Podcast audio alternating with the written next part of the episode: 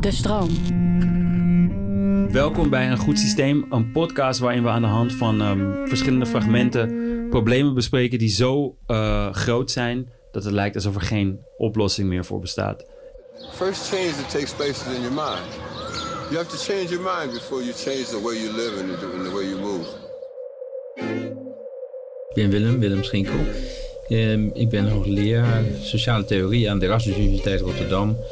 En ja, ik ben een beetje wetenschapper, activist, zou je kunnen zeggen. Ik, uh, ik ben Lina en uh, ik ben 23 jaar. Um, ik ben Palestijns-Nederlands, maar ik ben in Jordanië opgegroeid. En ik heb ook nog uh, familie in Palestina wonen in de Westbank. Ik ben student aan de Universiteit Maastricht en ik ben een activist. Ik ben een deel van de studentengroep Free Palestine Maastricht. Volgens mij is het niet ingewikkeld om te raden wat het, wat het onderwerp is van, van, van deze uh, aflevering. We gaan het hebben over Palestina, we gaan het hebben over Israël. Why won't your organization engage in peace talks with the Israelis? You don't mean exactly peace talks, you mean capitulation, surrendering. Why not just talk? Talk to whom? Talk to the Israeli leaders. That's kind of conversation between the sword and the neck, you mean? Well, if there were no swords and no guns in the room, you could still talk. No, I haven't been, I had never seen any talk between a colonialist case and a national liberation movement. But despite this, why not talk? Talk about what? Talk about the possibility of not fighting. Not fighting for what? Not fighting at all, no matter what for. Yeah, people usually fight for something and they stop fighting for something. So you can't tell me even why should we speak about what? Well, stop fighting. For what? Or, or talk about stop fighting why? Talk to stop fighting to stop the death and the misery, the destruction, the pain. The misery and the destruction and the pain and the death of whom? Of Palestinians, of Israelis, of Arabs of the Palestinian people who are uprooted, thrown in the camps, living in starvation, killed for 20 years, and uh, forbidden to use even the name Palestinians. They're better that way than dead, though. Maybe to you, but to us, it's not. To us, to liberate our country, to have dignity, to have respect, to have our mere human rights, is something as essential as life itself. Je ziet hier volgens mij heel goed geïllustreerd um, waarom veel mensen in het Westen hier niet goed begrijpen wat er aan de hand is. Want die journalist die stelt best wel redelijke vragen in principe. Van, why, not, just talk? Wat in principe gewoon een hele redelijke uh, uh, en goed bedoelde vraag is. Wat, wat denk jij als jij hier naar luistert? Ja, ik bedoel, het is wel heel persoonlijk. Ik begrijp het gewoon heel goed. Want um, als ik naar verhalen hoor, uh, luister van uh, mijn vader en zijn vader en wat zij allemaal hebben meegemaakt. En de, bijvoorbeeld een verhaal die ik altijd herinner is, mijn vader zei, ook ik weet nog toen ze um, Jeruzalem eigenlijk hadden overgenomen. En uh, ja, er was een kamer gewoon vol met hele oude mensen. Gewoon zijn vader, mensen die echt wel, ja, dan zie je al sterk in je mm -hmm. leven, toch? Die waren allemaal heel erg aan het huilen.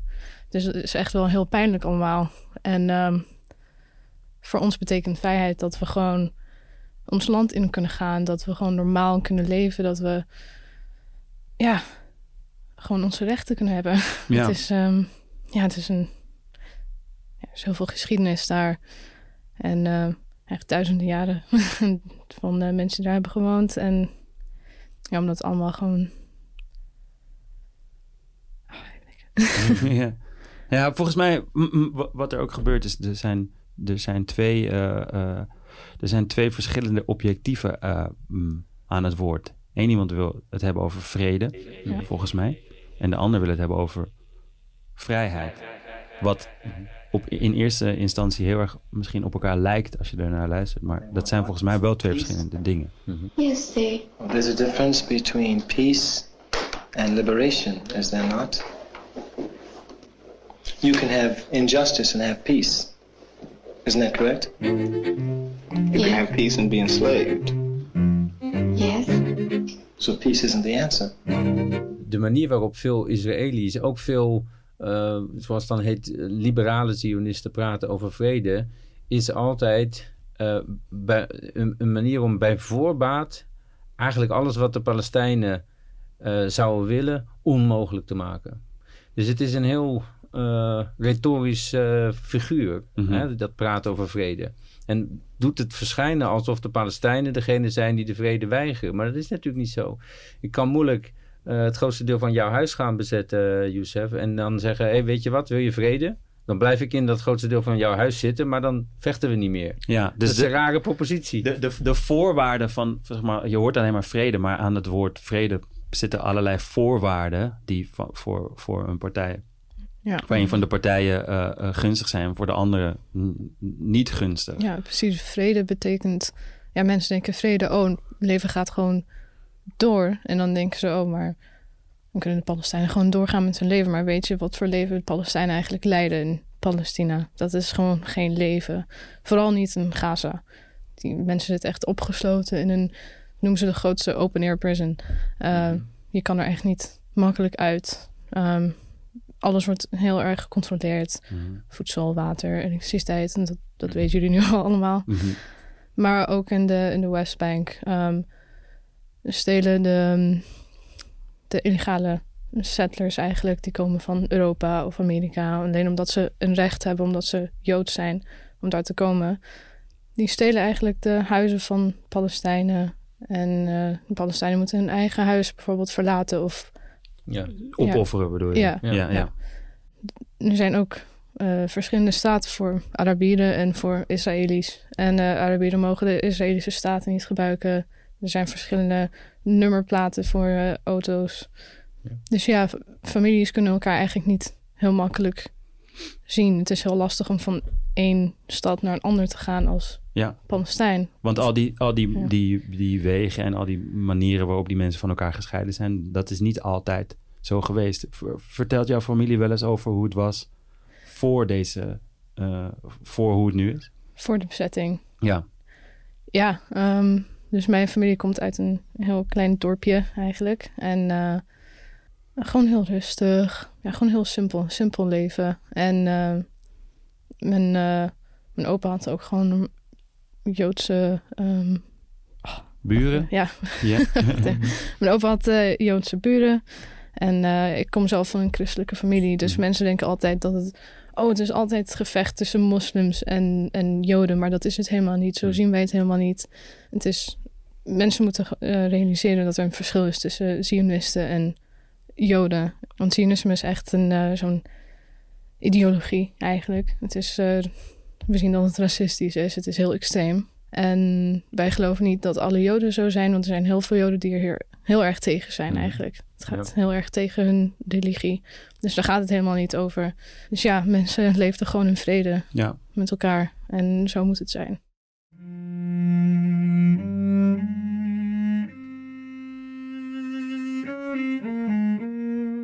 Ik denk om te beginnen dat het belangrijk is om na te gaan waar, de, waar Zionisme vandaan komt. Ja. En uh, dat is een, uh, met name een 19e eeuws fenomeen. En het, als je kijkt naar de wortels van het Zionisme, zeker het, het moderne politieke Zionisme, zoals dat bij Theodor Herzl te vinden is, dan is dat een ideologie, zoals Lina terecht zegt, die uh, niet alleen uit is op kolonisatie, er daar ook nooit een, een geheim van heeft gemaakt, maar die ook, en dit is een heel belangrijk punt, antisemitisch is in oorsprong tot midden 19e eeuw was, was het weliswaar zo dat er heel veel uh, antisemitisme, jodenvervolging in Europa was. Maar het is in de 19e eeuw dat gezegd wordt, ja, en joden zijn ook een biologisch wezensvreemd element in Europa. Dus het zou eigenlijk goed zijn als die op een eigen plek zouden... Dat uh, werd door Europeanen gezegd. Ja, dat ja. waren Europeanen, uh, mensen in Frankrijk, in Engeland, in Duitsland, die kregen dat soort ideeën. En Theodor Herzl maakte heel erg expliciet dat hij het daarmee mee eens was. Dus hij werkte met ze samen. En een aantal uh, van die vroege Zionisten hadden heel expliciet dat antisemitische idee. Wat dat in de grond een antisemitisch idee is. Namelijk dat Joden niet in, in Europa thuis horen, maar dat ze een eigen plek moeten hebben. En initieel waren er allerlei ideeën voor waar, waar dat dan zou moeten zijn. Hè. Dat, me- mensen hadden het over Argentinië, eh, Suriname werd ook genoemd. Ja, Oeganda. Ja, dat is zich op eh, eh, Israël gaan fixeren, op, op Palestina gaan fixeren. Maar Ja. dat, komt, dat komt wel ergens vandaan, zeg maar. Ja. Ik hoor ook wel nu de, de laatste tijd heel veel mensen eh, zeggen... eh, of doen alsof dat nergens op, eh, op gestoeld is. Dat, is. dat is natuurlijk ook niet waar. Er liggen heel veel historische wortels. Nee, zeker, er liggen Ja. historische wortels. Maar kijk, als wetenschapper is, heb ik wel altijd wel problemen met het idee van... ja, er zijn al 3000 jaar Joden. Mhm. Ik denk dan, nou, dat klinkt als een tamelijk racistisch idee. Namelijk dat er mensen zijn die al 3000 jaar onveranderd hetzelfde, dezelfde identiteit hebben. Voor niemand accepteren we dat eigenlijk in de geschiedenis. Het idee, alle, alle, alle Europese eh, nazistaten zijn producten van, nou, misschien de, soms de 17e eeuw, maar vooral de 19e eeuw eigenlijk. Dus het idee dat daar een soort van ongebroken identiteit is, is al een heel problematisch idee. Maar zelfs als je dat accepteert, dan is dat nog natuurlijk geen rechtvaardiging voor wat er in 1948 gebeurd is. Voor de Nakba, die altijd uit de geschiedschrijving gehaald wordt hier. Dus het feit dat tienduizenden Palestijnen toen vermoord zijn. En tussen de 700 en 800.000 Palestijnen, of zelfs nog meer, eh, eh, gewoon eh, verplaatst zijn. En, en, en nooit meer terug hebben kunnen gaan. Dus zelfs als je uitgaat van zo'n idee, waarvan ik zou zeggen.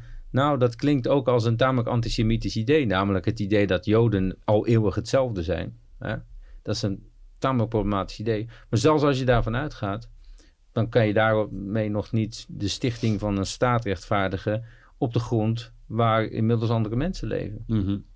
Ik, ik heb me heel vaak ook afgevraagd of ehm, het idee van eh, eh, dat een staat de enige manier is waarop mensen eh, samen met elkaar kunnen leven, of die gedachte niet ook een heel groot probleem is. Voordat eh, de staat Israël bestond of dat er eh, aanspraak werd gemaakt op de staat Palestina, was er in, waren er in dat gebied heel veel landen, gebieden, volken, zonder dat er staten bestonden. En dat ging blijkbaar. Is dat een gedachte die bij jou ook wel eens voorbij komt? Of het idee van een staat en dan eventueel zelfs een Palestijnse staat? Of dat eh, wel de juiste manier van denken is? Dat het idee van de nazistaat is voor een belangrijk deel een uitvloeisel van eh, imperiale en koloniale tijden die we gehad hebben. En nu is het inderdaad zo, ja, om mee te tellen zul je een of andere nazistaat moeten zijn of een staat moeten hebben. Maar de, eh, je, ik vind dat een heel terechte vraag. En dat is een heel lastige vraag als we het hebben over Palestina natuurlijk. Mhm. Hè? Eh, want wat, wat zou het alternatief zijn? Maar ik moet denken, als jij dit zegt, aan, aan eh, Frans Fanon, die in eh, zijn boek Les Damnés de la Terre aan het eind zegt. dan roept hij op de, de, de, de, voormalig gekoloniseerde volkeren. Roept hij op om nou niet na de dekolonisatie dat te doen wat de kolonisator deed. Namelijk een staat hebben. Ja. Dus hij zegt, dekolonisatie moet niet uitmonden in Herkolonisatie. in, ja, ja, nee, rekolonisatie. in, in het model van de kolonisator. Ja. Dat is namelijk de enige manier om samen te leven is in een staat met grenzen, zodat we eh, een, in een antagonisme leven, in een strijd, in een conflict, potentieel de hele tijd met mensen die daar buiten leven. En zodat we ook een migratieprobleem natuurlijk krijgen. Dat zouden we ook niet hebben als we geen grenzen hadden. Dus het is een hele goede vraag. Maar onder de huidige condities ja. ehm, zul je om mee te tellen, dat zien we nu ook namelijk, ehm, toch op een of andere manier verankerd moeten zijn in het internationaal systeem van staten, van Ja. natiestaten. Dat dat aan zich heel problematisch is, dat kunnen we ook leren Ja. hier. Daar Ja. heb je helemaal gelijk in. Ja, zeker. Maar ik, ik begrijp ook wel heel goed wat je zegt. Dat, dat als je niet eh, een, eh, een staat bent, of als je niet eh, legaal bent in, in, in die zin, volgens die, volgens die structuur, dat je dan ook geen plek aan tafel hebt Ja, wereldwijd. precies. Ja, en dus ook geen nee. aanspraak kan maken op wat wij. Ja, in de wereld vandaag inderdaad moet je echt wel een staat hebben. En Palestijnen hebben geen staat. Ja. En eh, ehm, ja, dat is echt wel een probleem. Want als we naar de Verenigde Naties kijken, ja, heel veel mensen hebben nu gestemd op een, op een ceasefire. En dan Mhm. komt Amerika, ja, Ja. met een veto. Ja. en eh, iedereen zegt van nee, dit kan niet meer. Maar dan komt Amerika. Ja.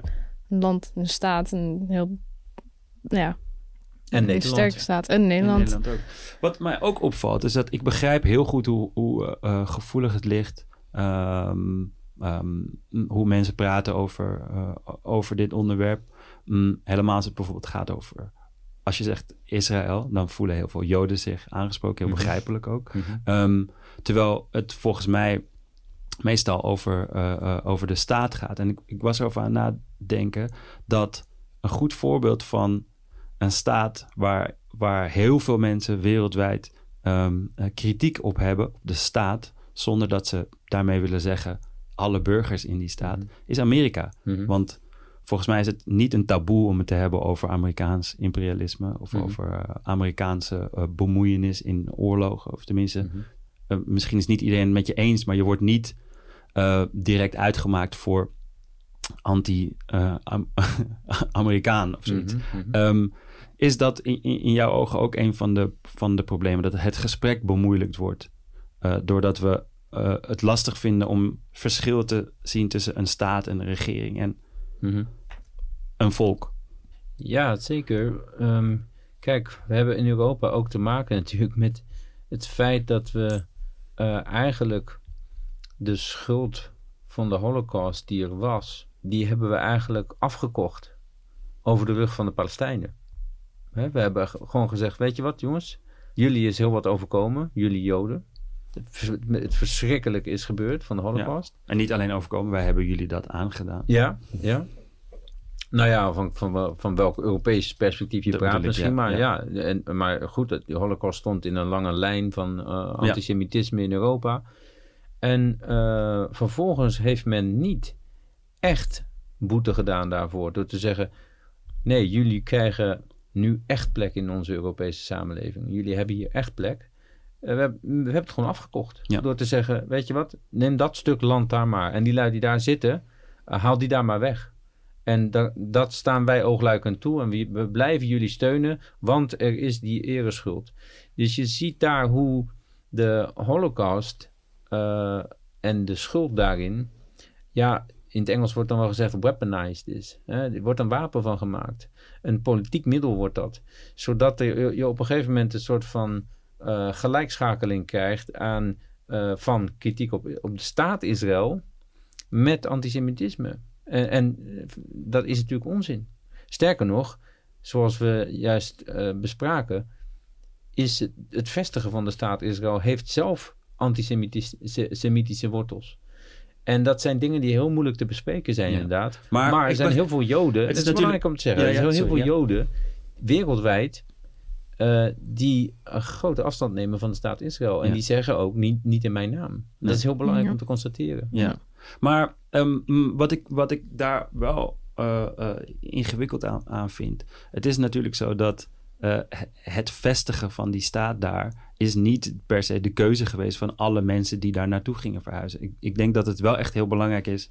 Ehm, eh, kijk, eh, er gebeuren heel veel dingen in Nederland eh, in naam van Nederland door een regering die, die ik niet verkozen heb. En ik denk dat het wel belangrijk is om, om dat onderscheid te blijven maken. Ook in die oprichting, ik denk, verspreiding van informatie was helemaal in die tijd ingewikkeld. En nu nog steeds. Mensen weten helemaal niet aan wat voor gigaprojecten ze eh, meedoen. Ja, ik, ik geloof dat Israëli's en mensen die in, eigenlijk in Israël geloven en dat ze moeten bestaan en zo, dat die ook slachtoffers zijn van het Zionisme eigenlijk. Mhm. Ja, ze weten niet wat de, wat de geschiedenis is en Ja. Wat ze allemaal doen, waar ze mee bezig zijn. En dus ik, ik, ja, we, we zien het ook allemaal in het westerse media, hoeveel eigenlijk eh, foute informatie is en hoe Ja. eenzijdig het is eigenlijk. Ja. We hebben ook allemaal dingen gehoord zo van... Oh ja, Hamas heeft, eh, weet ik veel, die, eh, die- de hoofden van de kinderen dus eh, ehm, Afgehaakt. afgehaakt en zo. Hmm. En dat was blijkbaar allemaal fout. Het was gewoon Mhm. valse informatie en dat was zo snel verspreid. Dat Mhm. de Palestijnen nu worden gezien als minder dan mens of minder dan dier zelfs. Dat, Mhm. dat, dat ze- ja, we hebben geen recht meer om te leven. We zijn allemaal terroristen. En. Ja. al, door al die propaganda en, eh, Ja. en valse informatie En dat Ja. wordt dus door de Zionistische beweging gepusht. Ja. En dat zien we ook. Het is gewoon heel erg om te zien hoe, hoe, eh, hoe, hoe informatie een, eh, een, een speelbal wordt gemaakt. En ook, ik begrijp ook ergens wel. ehm, wat lastig is, mensen beginnen nu op 7 oktober met dit Mhm. gesprek. Wat heel begrijpelijk is, want het is heel eh, heftig eh, wat er gebeurde. Het is niet het begin van het hele verhaal. En wat er, wat er volgens mij gebeurt, is dat mensen ehm, eh, die een andere kant of een ander onderdeel van dat verhaal willen bespreken, eh, nu heel erg de kans aangrijpen omdat het onderwerp eh, ter sprake komt, ter Mhm. tafel eh, komt. En daarin heel snel over 7 oktober heen praten. Mhm.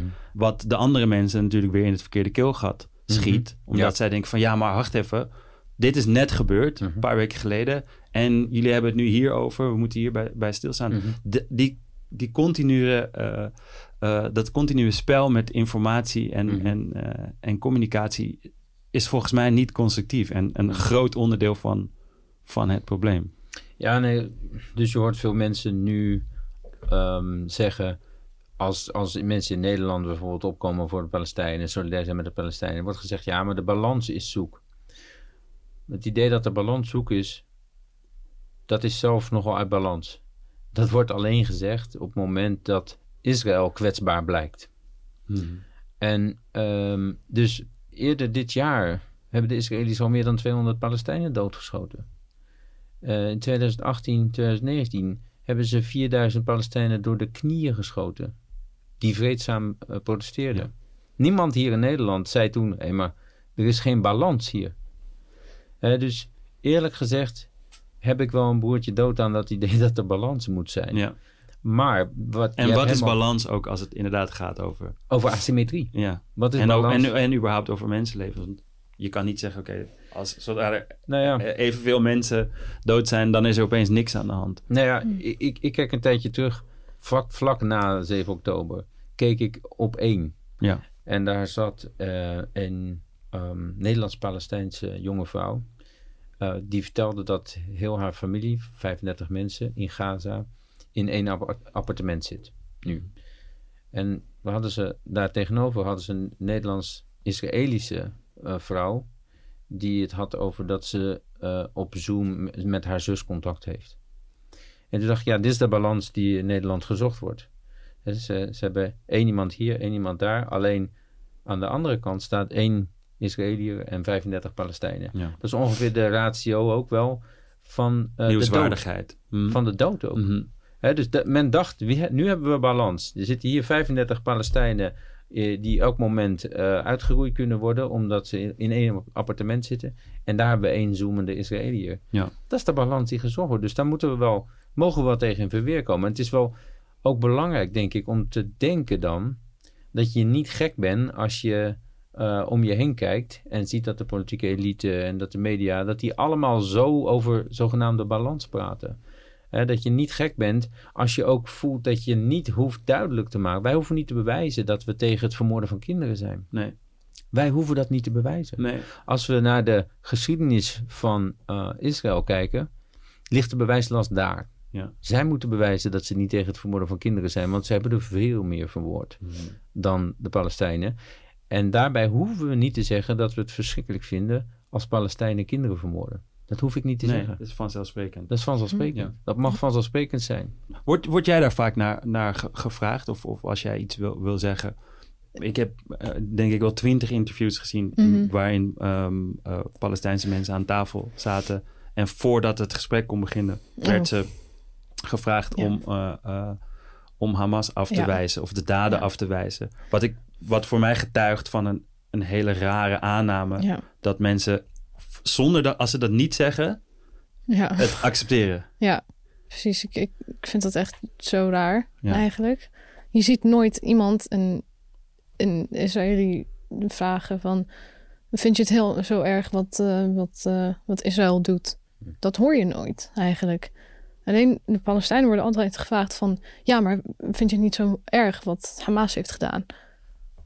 Waarom vraag je mij dit? Ja, Ja, Waarom ga je ervan uit dat ik dat? Ja, precies. Waarom denk je dat ik het niet erg vind dat, dat er burgers worden vermoord? Ja. Tuurlijk vind ik dat erg, maar Ja, nou als je gevraagd wordt ergens afstand van te nemen, is de veronderstelling ook dat je er in e- eerste instantie dichtbij staat. Ja. Ja. Dat Dus je je in eerste bent- instantie medeplicht. Dat is, Ja, ja, dat ja. is, eh, Ja. dat is eh, In guilty instantie until proven verdacht. innocent. Ja, precies. Precies. Dat is Je- verkeerd om, ja. Je bent verdacht als je gevraagd wordt afstand te nemen. Dat moet eerst expliciet worden. ja. Maar dat hoef je natuurlijk niet te doen. Ja, niemand vraagt, neem je afstand van wat er gebeurd is in Srebrenica.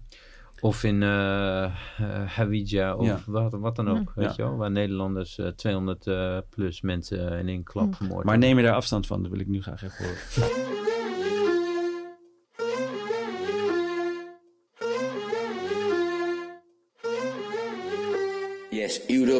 Is a garden. The, the rest of the world, and you know very well, Federica, is not exactly a garden. the rest of the world, most of the rest of the world, is a jungle. And the jungle could invade the garden. And the gardeners should take care of it. Should take care of the garden, but they will not protect the garden by, by walls, by building walls. a nice small garden surrounded by high walls in order to prevent the jungle coming in is not going to be a solution because the, the jungle has a strong growth capacity and the wall will never be high enough in order to protect the garden. The gardeners has to go to the jungle. The Europeans has to be much more engaged with the rest of the world. Otherwise the rest of the world will invade us. Zonder dat hij dat denk ik doorheeft. Ehm ehm, wordt er vanuit gegaan dat de, de jungle, al, al- neem je dat aan voor waarheid, iets is wat je kan en moet controleren. En dat een, eh, de, de gardener has to go to the jungle. Alsof je een jungle kan bijhouden als, als tuinier. Los van alle eh, impliciet neerbuigende en, en racistische ideologie die, daar, die daaronder ligt. Ja, ik denk dat het om twee redenen eh, heel ehm, veelzeggend is. De eerste is dat het een heel langstaand repertoire is waarin gedacht wordt over beschaving als iets eh, wat voortkomt uit de verbetering van het land. De, de, de, de grote Britse Engelse filosoof eh, John Locke had het al over hoe krijg je privébezit nou door improvement. Je verbetert het land en dan is het van jou. En dat is een repertoire dat we nog steeds terugzien. Dat hebben de Israëli's ook vaak gebruiken. Die Palestijnen deden niets met het land. Wij verbeteren het land. We brengen het in cultuur. We cultiveren het. Hè. Cultuur is ook een agrarisch concept. Hè. Gecultiveerde mensen, dat zijn mensen die verbeterd zijn. Dus dat, dat is een heel uh, langstaand repertoire. En dat is ook heel vaak gebruikt in de legitimatie van kolonisatie door uh, westerse landen. Het werd uitgebreid in India bijvoorbeeld ook toegepast door de Engelsen. Uh, dat enerzijds. Anderzijds is het ook uh, iets wat, verduidelijk, wat verduidelijkt wat de rol van Israël binnen dat westers imperialisme is. Dit zei uh, Borrell vorig jaar in 2022. Twintig jaar daarvoor zei een, uh, een voormalig Israëlisch premier Ehud Barak. Die zei Israël is een villa in de jungle. Dat is exact hetzelfde repertoire. En dat laat zien hoe Israël vaak heeft gefungeerd als een soort vooruitgeschoven post van westerse civilisatie. Hè, Theodor Herzl, die, die vader van het moderne Zionisme, die zei ook al: uh, Israël is een muur tegen de barbaren. Dus er is een heel specifieke rol weggelegd voor Israël. is de vooruitgeschoven post van het Westen te midden van die barbaren. En dat heeft allerlei geopolitieke uh, redenen vervolgens waar we het over kunnen hebben. Maar het is belangrijk om te zien hoe die manier waarop Europa nog steeds over zichzelf denkt, innig verweven is met de manier waarop gedacht wordt over Israël en, uh, en de kolonisatie en de bezetting daar. Ja, verbetering. Wat, wat het westerse wereld ziet als verbetering kan anders zijn dan wat andere landen zien als verbetering. Iedereen verbetert op een andere manier op ja, verschillende manieren. En in sommige landen duurt het iets langer. Maar ja, wie ben jij om te zeggen: Oh, we komen jou verbeteren? Ja. ja, wel, ja. Het gaat over zelfbeschikking. Ja, dat ja. is volgens mij het grote punt waaraan Ja. voorbij gegaan wordt. En Dus dat, je, je, zou inderdaad kunnen zeggen van voordat wij hier waren, was deze straat niet geasfalteerd. Wie So heeft- what? Ja, wie heeft het maakt het nou? Ja, Ja. ik, het was toch prima zo. Ik vond het, ja. Ja, misschien wilde ik dat helemaal niet. Ik Ja. weet niet. Maar ja, dat, dat idee van verbetering, dat heb je ook gezien met Amerika en, en Irak. Hm. Bijvoorbeeld, zeiden ja, we komen jullie verbeteren. Ja. Ja, want some freedom. Ja, we komen jullie verbeteren. Ja, dan hebben ze hun, hun leider vermoord, iedereen gebombardeerd en zijn ze weggegaan. Van ja, oké, zoek het maar uit. Ja, Ja, nu hebben jullie democratie. Succes. succes daarmee. Ja, want Mhm. Ja. dat kan je ook niet doen. Het is Ja, en het wordt ook te pas en te onpas gebruikt natuurlijk. Maar als het niet uitkomt... eh, bedoel, we hebben het veel over Hamas natuurlijk hier nu. Maar Hamas is de democratisch gekozen regering. Ja. Hè? En- Overigens wel alweer een hele tijd geleden. Een hele tijd geleden, 2006. Maar Ja. toen eh, eh, Israël en Amerika en Europa accepteerden simpelweg niet Nee. de manier waarop de Palestijnen hun democratisch stemrecht gebruikten. En zijn toen de Palestijnse autoriteit gaan steunen. En die is eigenlijk een partij geworden in de bezetting. Ja. Hè, dus ehm, op het moment dat er dan wel democratie is, is het ook weer niet goed. Nee. Want ze moeten wel precies stemmen zoals de imperialisten willen dat ze ja. stemmen. Ja, exact. Ja. exact. Ja, dat, bijvoorbeeld wat mensen heel, veel, heel erg denken over Hamas, dat het een terroristische groep is. Maar ja, ze zijn eigenlijk in 1987 ontstaan, denk ik. Mhm. En het is een, eh noem je een resistance group. Want ehm, ja, Palestina is natuurlijk een bezette land. En onder internationaal recht heb je het recht om op elke manier dat eigenlijk te, eh, te vechten. als je een land bent. Als je, ja, maar ja, dus Palestina is een bezet gebied. Ja. En on- onder internationaal recht hebben ze dat recht om eigenlijk, ja, om, om zelf te verdedigen. Dus Ja. zo is dat ontstaan eigenlijk. Kijk, het, het ingewikkelde is dat. dat eh, mm, ik kan me goed. Oké, misschien moet ik dit even op een andere, andere manier zeggen. Want dit is echt een hele lastige om, om te bespreken. Toen ik, en denk een jaar of tien was, mijn vader is ehm, Marokkaans. eh, toen had ik gesprekken met hem aan tafel over eh, wat er daar gebeurde in, in Israël-Palestina. En, ehm, en eh, dat ging over geweld, dat ging over oorlog.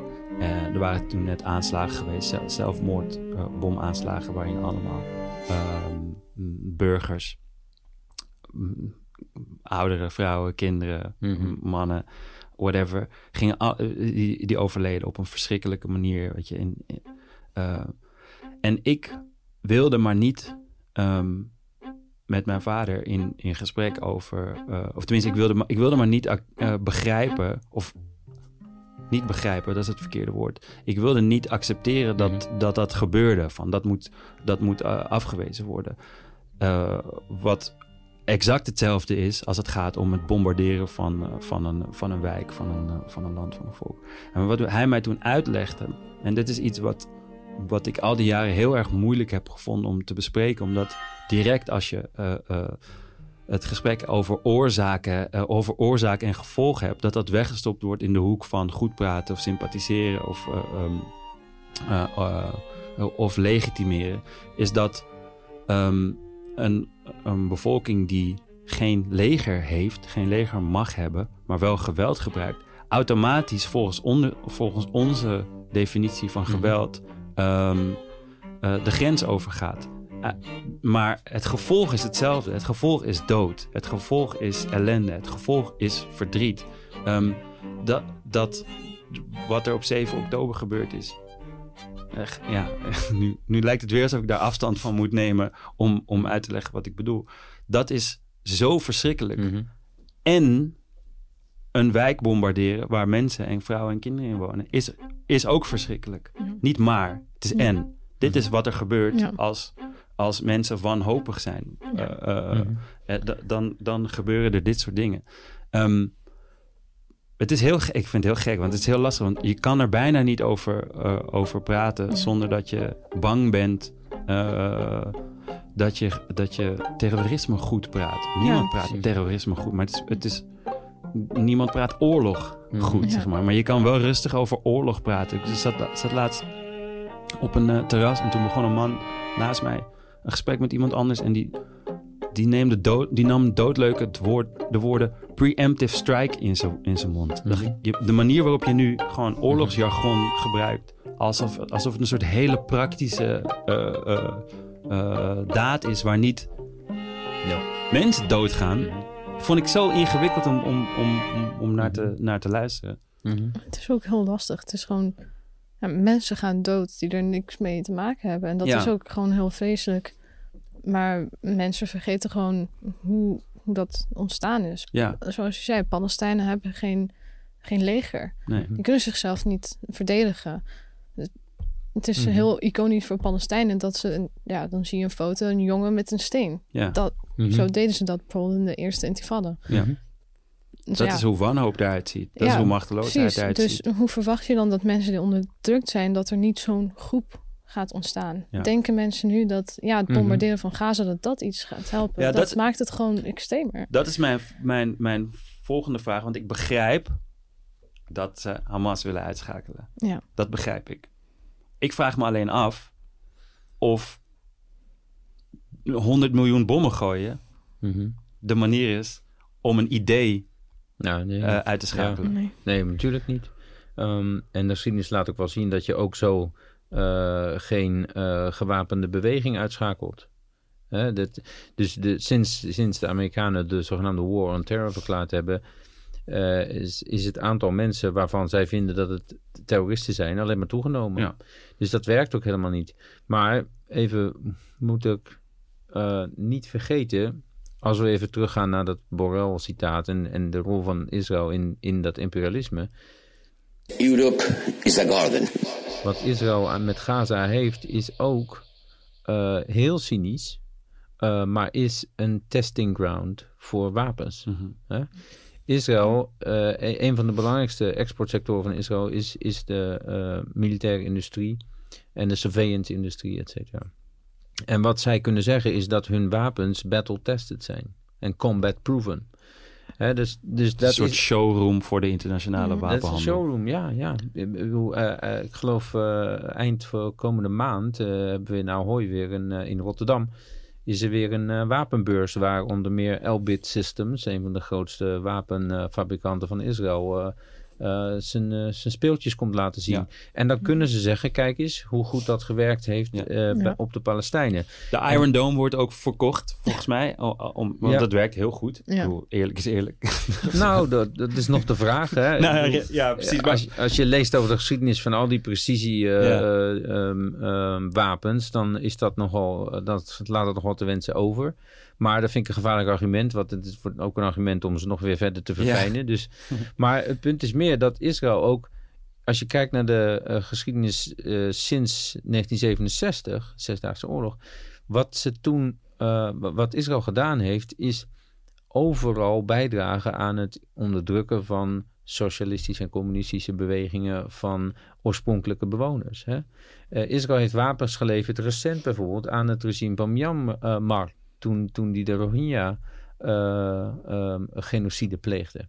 Dat, daar leverde Israël wapens aan. En ondertussen ontvingen ze een generaal van het eh, leger van Myanmar, die mocht naar het Yad Vashem Holocaust Memorial gaan om zijn eh, respect te tonen. En vervolgens kon die wapens krijgen om genocide te plegen. Israël is een belangrijke partij geweest in het ondersteunen van het Zuid-Afrikaanse apartheidsregime. Hij heeft dus op heel de wereld, in Latijns-Amerika, is een lijst van, een, lange lijst van landen, van Nicaragua, eh, Colombia, eh, overal heeft eh, Israël de anti-imperialistische strijd de kop in helpen drukken. Dus, en dat is wel belangrijk als we het hebben over het geweld dat Israël pleegt. En niet alleen is het een businessmodel, maar het is ook een systematisch patroon. Dus het is wel zo van, ja, al het geweld is verschrikkelijk. Maar daarmee hebben we het geweld ook nog niet in de analyse, als het ware, op hetzelfde plan gesteld. Het is wel een heel ander soort geweld nog steeds. Mm. Daar heb je ook over, overigens een artikel over geschreven of een, eh, een, een stuk over in het NRC die we in de show notes eh, gaan zetten. Ook sowieso alle, alle fragmenten die voorbij komen, die kan je aanklikken in, de, in de show notes bij deze aflevering.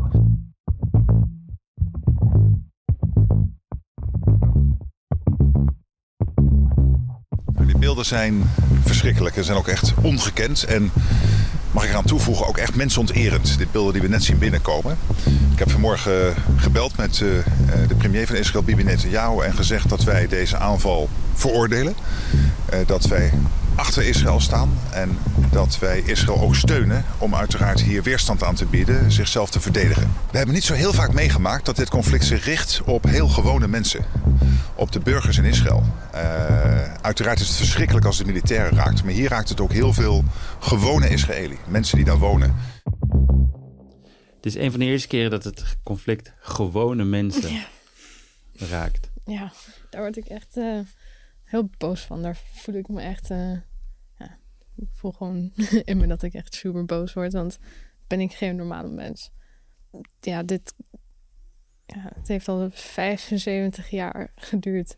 75 jaar worden Palestijnen vermoord. En zijn wij geen normale mensen? Ja, dat is echt super raar. En dat Mhm. hadden we ook vorig jaar gezien met de oorlog tussen Oekraïne en, en Rusland. Van, oh, dat, dat zijn ja, blanke mensen met blauwe ogen. En zijn christenen. Dat zijn, Mhm. ja, ze zijn als ons. We Ja. moeten ze gewoon binnenlaten. Tuurlijk moet dat. Ja. Maar dat moeten jullie ook voor iedereen doen die Mhm. dat nodig heeft, bijvoorbeeld. Ja, toen zag je eigenlijk, dat, dat, dat vond ik heel bijzonder om te zien hoe gastvrij en eh, faciliterend Nederland kan zijn, zeg maar. Ik bedoel, in, bij mijn eh, eh, zoontje in de klas zitten Oekraïnse kinderen. Ik vind dat, ik vind dat echt ontroerend. Ik vind het hartstikke mooi. Mhm. En het zou vet zijn als we daar een consequent ehm, idee van maken. Dus Mhm. dat dat niet iets is wat geser- ge- ge- gereserveerd is voor mensen die wij achten als ehm Ja. ehm, tuiniers in plaats van jungleists. Ja, en je moet ook niet vergeten dat eh, tien jaar geleden Oekraïners nog niet als wit golden. Nee. Toen was iedereen nog hier van nee, nee, die kunnen never nooit niet bij de Europese Unie komen. Eh, dus, dus wanneer we die gastvrijheid vertonen, is, heeft niet alleen maar met eh, warme gevoelens te maken. Die Mhm. warme gevoelens zijn geopolitiek. Ja, dat geldt namelijk ook. Ik bedoel, Joden werden vroeger ook niet als wit gezien in, Nee. eh, in Europa. Nee, nee dus die, die hebben ook, daar is ook een transformatie, die heeft daar plaatsgevonden. Eh, Joodse suprematie in Israël. Israël is een apartheidstaat. De Arabieren hebben minder rechten. Die mogen geen waterbronnen bezitten. Die mogen geen land bezitten. Al dat soort dingen. Ehm, dus dus eh, Joodse suprematie daar is nu een vorm van witte suprematie geworden. Terwijl eh, in de 19e eeuw het du- duidelijk was dat Joden gezien werden door veel Europeanen als, als vreemd, Ja. als niet hier horend. Dat, dat oude antisemitische idee. Eh, dus dat zijn, die dingen zijn niet te begrijpen zonder dat je de geopolitieke context erbij. Zou je ook zeggen dat, dat, die, dat die witte suprema- suprematie zo'n ehm, rekbaar begrip is, omdat het eigenlijk mm, gaat om ehm, ehm, opportunisme? Zeg maar om wat er op dat moment handig is om in het narratief te.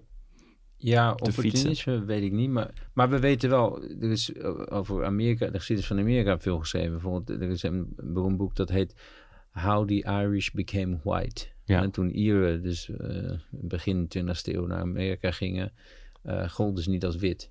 Hoe werden ze wit uiteindelijk? Door te delen in heel heftig anti-zwart racisme. Dat was de manier waarop ze wit konden worden in Amerika. En eh, voor Israël geldt dat, dat die, die, die, die voorposten als het ware zijn van, van Europese moderniteit. Die, die muur zijn tegen de, de Arabische barbaren. Dat is de manier geweest waarop, gekoppeld aan die euroschuld die Europa heeft, ehm, eh, Joden konden doorgaan voor wit. Maar vooral als ze in Israël zitten. Dat is, dat is de catch natuurlijk wel. Hè?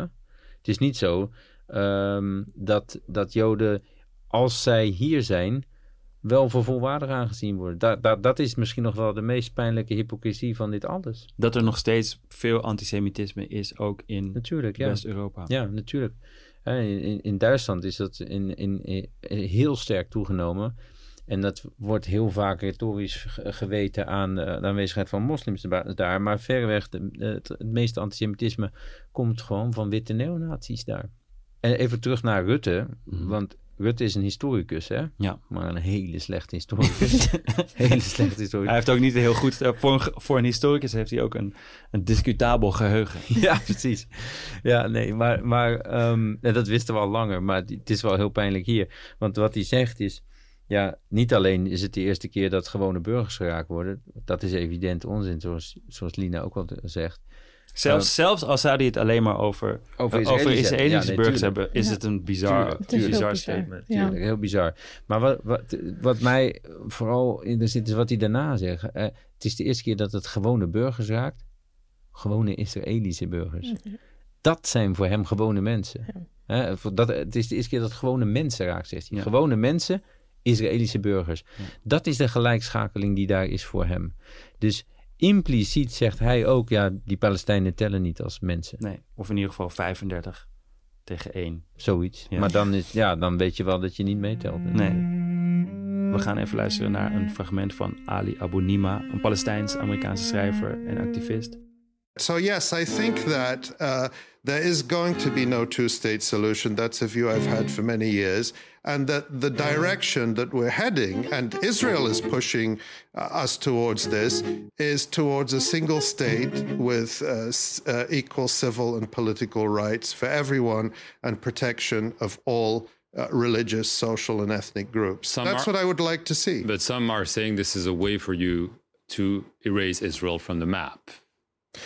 Uh, you know, uh, those arguments were always made against democracy in South Africa, against democracy in Northern Ireland, against democracy in the United States. When uh, when uh, Rosa Parks uh, refused to get off the bus, get off her seat to make way for a white person, people said that the civil rights movement in the United States aimed to destroy a way of life, aimed to destroy uh, states' rights. So that kind of language is always used to generate fear and to silence calls for democracy and civil rights. Feit is volgens mij dat, eh, dat het nu eigenlijk één staat is, één grote staat. Eh, met als kanttekening, als behoorlijke kanttekening, dat niet iedereen binnen de grenzen van die staat dezelfde rechten en vrijheden geniet. Een radicaal idee, maar ook eigenlijk een heel simpel idee, is om te zeggen: oké, als het al één staat is, laten we iedereen gelijke rechten geven. Dat is geen garantie voor, voor een vlekkeloos verloop. Ehm, en ik beg- begrijp ook heel goed dat er dan heel veel angst eh, ehm, bij komt kijken. Los van de, de manipulatieve eh, angst, is er ook echte angst, die ook denk ik wel gegrond is. Eh, ehm, maar een van de. dus wat dat betreft denk ik, dit is een, een, een, eh, een, een vrij utopische, maar hele realistische en hele redelijke oplossing. En het is echt een compromis, want niemand gaat er blij mee zijn. zeg maar. Ehm, maar het eerste waar ik, waar ik over nadacht toen ik dit hoorde, is de naam. Want Ja. het is een. eh, los van dat het eh, heel ingewikkeld gaat zijn, zoals dat in, in Zuid-Afrika ook niet zonder slag of stoot ging, dat iedereen eh, gelijke rechten had. Dit is een, een, een lastige vraag aan jou. Zou jij ermee kunnen leven om eh, daar te wonen met gelijke rechten, gelijke ehm, eh, stemrecht en, en, en alles, eh, als die staat, die ene staat, Israël zou heten? Dat is echt wel een lastige vraag. Heb ik ook wel eens over nagedacht. En ik heb er echt nog geen antwoord op. Dat weet ik echt niet. Nee. Maar ik geloof ook echt wel in de one-state solution. Ik geloof echt niet in een een two-state solution. Want ja, het is gewoon een heel raar idee voor Palestijnen om dan alsnog te denken van ja, we moeten toch dit land dan delen. Dat wilden we al vanaf het begin niet. Want jij komt als vreemde hier en je neemt mijn land over en je hebt zoveel mensen vermoord en we mogen niet terugkomen. Het is gewoon een heel raar idee. En toen dachten we, oké, ja, peace talks, dan misschien, er was nog sprake van een two-state solution. Van oké, als het goed verloopt en als jullie ehm, het geweld stoppen en als we onze rechten krijgen, dan oké, ja, dan kan dat. Dat, dat hebben we dus ja, met, met de Oslo Accords, dat kennen jullie misschien Mhm. wel. Ehm, dat vonden we allemaal prima en we dachten, ja, ehm, over vijf jaar moet er dus eigenlijk een staat Palestina bestaan. Maar dat is dus nooit gebeurd. En mensen spreken steeds over, ja, waarom praten jullie niet om een two-state solution? Maar dat gaat niet meer gebeuren. We hebben het al zo lang ehm, over gehad en Ja. zoveel meegemaakt dat dat niet meer kan. En er zijn ook al te veel eh, wortels en gebouwen. Want Ja. er zijn mensen die de zoveelste generatie ehm, Israëli's zijn die daar, die daar wonen. Die kunnen ook niet Ja, weg. die Die, kunnen kunnen ook niet Die, dan maak je die vervolgens ook eh, vluchteling. Ja, nee. Ehm, eh, het, het is. eh, maar het is wel lastig, want er komt heel veel pijn en, en trots en eer bij kijken. Ja. Ehm, aan alle kanten, denk ik, als je zoiets, zoiets doet. Ehm, maar dat vroeg ik me af. Ja. Ik, ik, ik ging er bij mijzelf te raden, zou ik er vervolgens mee kunnen leven om dan eh, Israël, of wat dan ook de, de, de situatie zou zijn, om Mhm. dan de, de naam van de staat die, eh, die de bezetter is op, op mijn paspoort te hebben, zeg maar, Ja. als, als identiteit. Nieuwe naam. ik Ja, weet niet. Nou ja, dat zijn wel dingen. van- Zeg maar, dat zijn gekke, gekke ideeën. Maar er zijn meer landen die in de geschiedenis eh, andere namen hebben gekregen. Ja, zal- de zal- Verenigde Staten van Amerika De Verenigde Staten van. Amerika. Het, eh, Rusland heeft de gemene best van onafhankelijke staten ge- geheten. Eh, Joegoslavië, voormalig Joegoslavië. Er zijn allemaal verschillende. Ja, maar Amerika, de Verenigde Staten van Amerika is ook een, een settler colonial staat. Ja. En heel veel indigenous peoples, daar heel veel eh, zwarte afstammelingen van tot slaafgemaakte, hebben ook Amerika in hun paspoort Ja. staan. Ja. Dus dat, dat bestaat inderdaad. En we moeten ook onderkennen dat er heel veel Arabieren in Israël leven, Israëlisch burger zijn, Ja. Ja. maar tweederangsburger. Ja. Dus, en, en, maar ergens komen we terug bij waar jij eh, eigenlijk, eh, wat je in het begin al zei, dat, dat probleem van een staat überhaupt natuurlijk. Hè? En, eh, en ik denk dan weer aan Fanon, die, die ook zegt, ja, wat we moeten doen is, ehm, we moeten een nieuwe mens uitvinden. Ja. En, en we moeten ook uitvinden hoe we samenleven.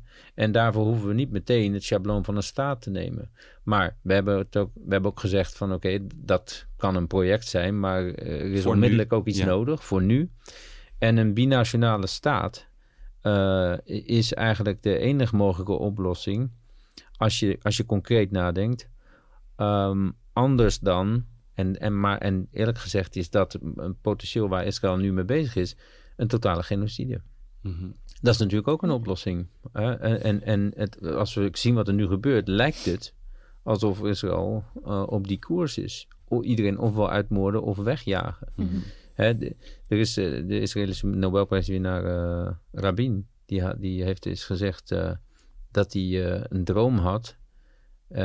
waarbij als hij wakker werd, dat dan Gaza in de zee was verdwenen. En dat is natuurlijk een droom ergens, maar, maar het is veelzeggend. Eh, maar het betekent ook dat Israël zoals het nu is, is onverdedigbaar. En dat is iets waar heel veel mensen in Europa mee moeten dealen en dat moeilijk vinden. Maar Israël zoals het nu is, is onverdedigbaar. Zoals het nu is, ja. Niemand zou Israël, zou, zou een staat als Israël verdedigen als wij die zouden hebben. Want je hebt eh, radicale raciale segregatie, apartheid, censuur van de pers. Eh, om nog maar niet te spreken over eh, de, de export van, van de meest verschrikkelijke wapens. Dus niemand zou dat accepteren. Maar voor Israël wordt een uitzondering gemaakt. En het punt is, als het nou gaat om Israël als beveiliger van Joden, dan is de vraag die we moeten stellen: how's it going? How's it going so far? Ja. Gaat niet goed. Nee. Eh, er is een reden dat Israël voor Joden het minst veilige land is. Ja. En, en dat heeft eh, met de eh, eh, relatie met eh, Palestina te maken, maar het heeft ook te maken met het feit dat Israël als land zelf onhoudbaar is en onverdedigbaar is. En niemand zou dat moeten verdedigen zoals het nu is. Betekent dat dat alle Israëli's weg moeten? Nee, natuurlijk niet. Want waar moeten die dan heen? Ja. Dus je moet op een andere manier daarover nadenken. Maar waarom zouden we een apartheidstaat verdedigen? Ja. Waarom dat, in dat is een, een absurde eh, gedachte. Maar de vraag is dan, welke naam komt er eerst, zeg maar, bij het naambordje? Wordt het Israël-Palestina of wordt het Palestina-Israël? Ja, maar als we, als we, Fanon, zeg maar, als we Fanon serieus nemen, moeten we dat uitvinden. Ja, nee, Ik, ben het, ik ben het met je eens. Dat, dat, dat, dat, en dan is het dus geen van beide. Nee. Nee. Dan, dan, dan zul je moeten de Levant, onderkennen. Is het, heet het de Levant, dat gebied? Dat is Dat een, ja, een hele regio. Ja, Ja. dat is dus Palestina, Jordanië. Jordanië Syrië, ook. Ja, precies. We moeten, we- hier, hierover later meer. Ja, maar er, er moet iets nieuws komen. Er moet Ja. iets nieuws komen. Als, Ja. we, als we onderkennen, wij leven hier met elkaar. Ja. En wij moeten een leven maken zonder geweld. Ja. Dan, dan is dat iets om uit te vinden. En dan moeten we daar creatief in zijn. Maar dit is denk ik het probleem van, ehm, van de manier waarop wij omgaan met systemen. En eh, een, ook een referentie aan de naam van, van deze podcast. Is dat mensen vaak een systeem proberen op te lossen binnen de marges van datzelfde systeem. In plaats van het systeem, eh, eh, het systeem zelf be- bevragen. Als jij nu zeg maar, als, als morgen de keuze zou zijn. Je, je, je krijgt een, eh, een paspoort, iedereen is vrij. Je hem accepteren morgen? Gewoon even concreet. Mhm. Ja, natuurlijk als iedereen gelijke rechten heeft. Als wij weer terug kunnen gaan naar ons land, gewoon overal we kunnen wonen zonder geweld, zonder iets, tuurlijk. Ja. Iedereen wil dat, iedereen wil gewoon terug. Ja. Dat is het enige waar we naar vragen, is de, is de vrijheid van Palestijnen. Dus dat betekent, mm, ja, mensen interpreteren het hier heel verkeerd. Ze zeggen, ja, vrijheid voor Palestijnen. Ja, dat betekent dat jullie alle Joden willen vermoorden. Maar dat is helemaal niet zo. Vrijheid voor ons betekent, we willen terug kunnen gaan naar ons land.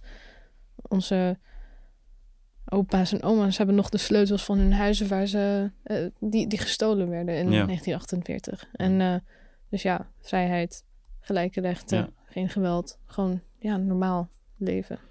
Dit is ook wat ik denk, waar, waar, dat is heel vervelend. Het gaat elke keer mis met eh, als mensen het over from the river to the sea hebben. Ja. Want volgens mij is het het idee Mhm. dat iedereen die daar is, iedereen die daar is, Ja. van daar naar daar kan bewegen. Ja. Dus je zou Ja. moeten kunnen, kunnen lopen van, van de rivier naar Ja. de zee, een ieder. Ja. Ehm, wat een super simpel, maar heel radicaal eh, eh, idee is eigenlijk. Iedereen vrij, iedereen daar de, Mhm. de, dezelfde rechten. W- horen we de politiek daar niet over omdat het ingewikkeld is eh, en eh, mensen het moeilijk vinden. Of tenminste, eigenlijk is het helemaal niet ingewikkeld, maar de uitvoering, de implementatie en de gevolgen daarvan gaan wel ingewikkeld zijn. Mm. Of ehm, is het een status quo die ze liever houden zoals die is nu? Wat denk jij daarover? Nou, zo, kijk, zolang eh, Europa en Amerika het idee hebben dat ze een voet in het Midden-Oosten moeten hebben en daarvoor Israël zien als, als soort van eh, vooruitgeschoven post, zolang eh zal op deze manier omgegaan worden met dit soort ideeën. Maar als we dit, als we serieus nemen, dat je anders gaat nadenken over hoe je met elkaar leeft op een land, dan moet je natuurlijk ook eh, consequent zijn en zeggen, ja, maar zoals M.E. Césaire zei, Europa is ook onverdedigbaar. Dat proberen we ook de hele tijd. Door te denken, ja, we hebben hier een tuin en we zetten er een muur omheen. En eh, al die mensen die op de Middellandse Zee verdrinken, ja, dat is hun eigen schuld. Maar daaraan zie je ook dat Europa ook onverdedigbaar is. Ook een, een, een idee is dat voor onze beschaving anderen moeten sterven. En die anderen hebben toevallig allemaal een andere kleur. Dus ook de staat Nederland is iets wat we, eh, en dat kunnen we hier ook leren. Ook- Ook de staat Nederland is natuurlijk een heel problematisch iets. Het idee dat staten rechten hebben, is ook onzin natuurlijk. Mhm. Mensen kunnen rechten hebben. Voor zover je in termen van rechten wil, wil denken, hebben mensen rechten. Maar staten hebben geen rechten. Dat is de boel omdraaien. Zolang als die staat niet meer werkt voor een eh, wereld met minder geweld voor ons, dan is die staat een probleem. En dat zien we in Israël, eh, maar zien, we zien het ook in Nederland en in Europa. Dus eh, in die zin kan het ook ons wel inspireren tot echt nadenken over hoe we op een andere manier op deze aarde met elkaar kunnen samenleven. Ja. Ja, ik vind dat eh, de westerse wereld, dus Amerika en Europa, zijn echt veel te lang en veel te veel bezig in het Midden-Oosten. Ja, waarom, wat, eh, ja, wat wil je daar nou? Ik, ik weet al. Ja, willen, natuurlijk, ik weet het wel, maar ja, ik bedoel, mensen zeggen, ja, jullie zijn, eh, ja, dat, dat we hulp nodig hebben. Daar hebben we het eerder over gehad, maar we hebben jullie hulp niet nodig. Nee. Ja, het ging allemaal heel prima. Het is Ja. gewoon En ook al ging erger het, geworden sinds jullie hier zijn gekomen. ja, precies. Ja. En ook als het niet prima gaat, ehm, als er niet om hulp gevraagd wordt. We kunnen het zelf oplossen. Ja. ja. Ja. Er zijn ook mensen, we kunnen ook, ook zelf nadenken. Ja. Dus, ja. Nou, we hebben het opgelost. ja. We beginnen met een binationale staat en Ja. daarna gaan we het verder uitvinden. Ja, zin in. Ja. in ieder geval in het, in het verder uitvinden. Ehm dankjewel Lina. Dankjewel Dankjewel. Willem. Ehm, ja, vet. Ik vond het mm, fijn om hierover te kunnen praten. En ik vond het ook fijn om hier eh, rustig over te kunnen praten. En eh, ehm, het is een... eh, het is ingewikkeld om hierover te praten, omdat je je heel erg beperkt voelt in, in wat je wel en niet kan zeggen en wat wel en niet het verkeerde keelgat in kan schieten. Maar ik denk dat het belangrijk is om van elkaar eh, aan te nemen of op elkaar te vertrouwen dat we het beste voor hebben met elkaar. Weet je, Mhm. zolang je niet met twee getrokken wapens aan tafel zit, zit je er volgens mij om eh Nou, er is gewoon veel censuur, maar we hadden vandaag cefzuur. zuur. Gaan we aan werken aan die, aan die term. ja, dat is wel fijn dat, eh, dat we erover kunnen praten, want Ja. we zien het niet genoeg. Nee, precies. En dat is ook zo. Ik zag een. Niet om duizend verschillende afsluitingen te, te doen, maar ik zag een, ehm, een mooi eh, fragment wat um, Raoul Heertje liet zien. Misschien kunnen we dat ook nog erin in fietsen. Sometimes I uh, I wake up in the mornings and I look at myself in the mirror and I say, "Are you crazy?" I am crazy, but I'm uh, but this is the only rational choice. If I'll go and kill anyone, will it bring back my baby? If I will. If I cause pain to someone, will it ease my pain? It's rational thinking. It's not uh, big uh, ideology. No, but, but to be able to think rationally in a situation. to overcome your natural anger and and do something with the energy the energy is real nuclear energy the energy is what creates this endless cycle of violence you killed one of me i will kill 10 of you and on and on and on for, for the last 100 years what can you do with this energy Dat vond ik heel indrukwekkend, want dat is ongeveer het, moeilijkste en het zwaarste en het, en het krachtigste wat je kan doen, is om ehm, niet jouw pijn te projecteren op, op, eh, op iemand anders en niet te denken dat de pijn van iemand anders jouw pijn gaat, eh, gaat oplossen. Er moet ergens een, een streep getrokken worden onder, onder alle pijn en mm, we moeten, we moeten verder. Ehm, en ik vind het fijn om te kunnen praten met mensen over utopieën en over onrealistische. eh, of dingen die onrealistisch lijken in eerste instantie. Want anders kom je nooit ergens.